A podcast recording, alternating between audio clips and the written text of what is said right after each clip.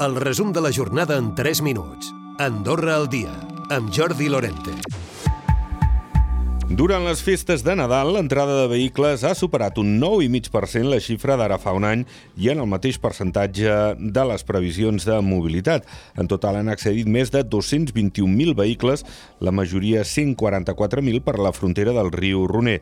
Segons Mobilitat, el que són els problemes de congestió de vehicles han estat els habituals en aquestes dates. En parla des del Departament de Mobilitat el seu tècnic Dani Boneta.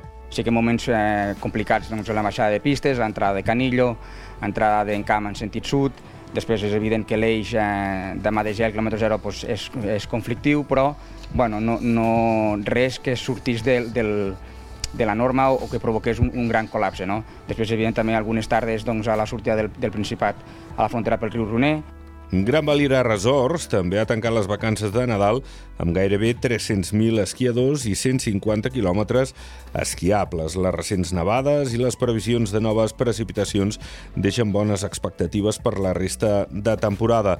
Amb tot, eh, fan un balanç positiu del que ha estat aquest Nadal. En parla el director general de Gran Valira Resorts, Juan Ramon Moreno. I la situació que tenim avui mateix és molt millor que la que teníem fa uns dies, no? i serà una, un final de temporada millor que ens permetrà permetrà també recuperar una miqueta el que vam perdre, el que vam perdre a l'inici de temporada. No?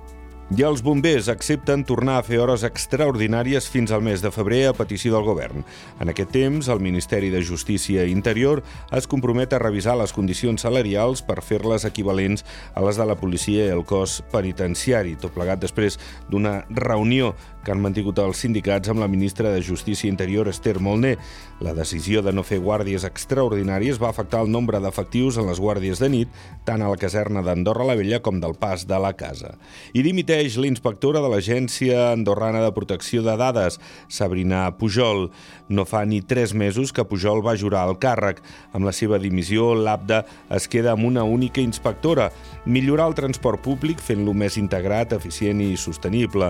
Amb aquest objectiu, entre gener i febrer, l'executiu farà xerrades i debats a totes les parròquies per recollir neguits i propostes de millora. Pensen que crear més línies de bus serà una demanda important.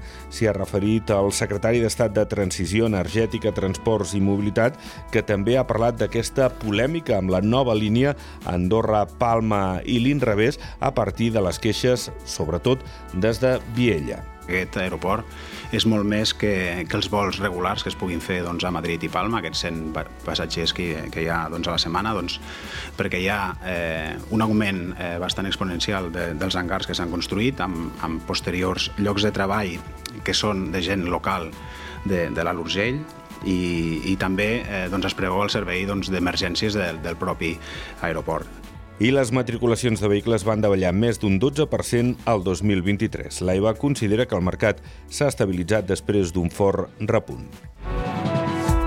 Recupera el resum de la jornada cada dia a AndorraDifusió.d i a les plataformes de podcast.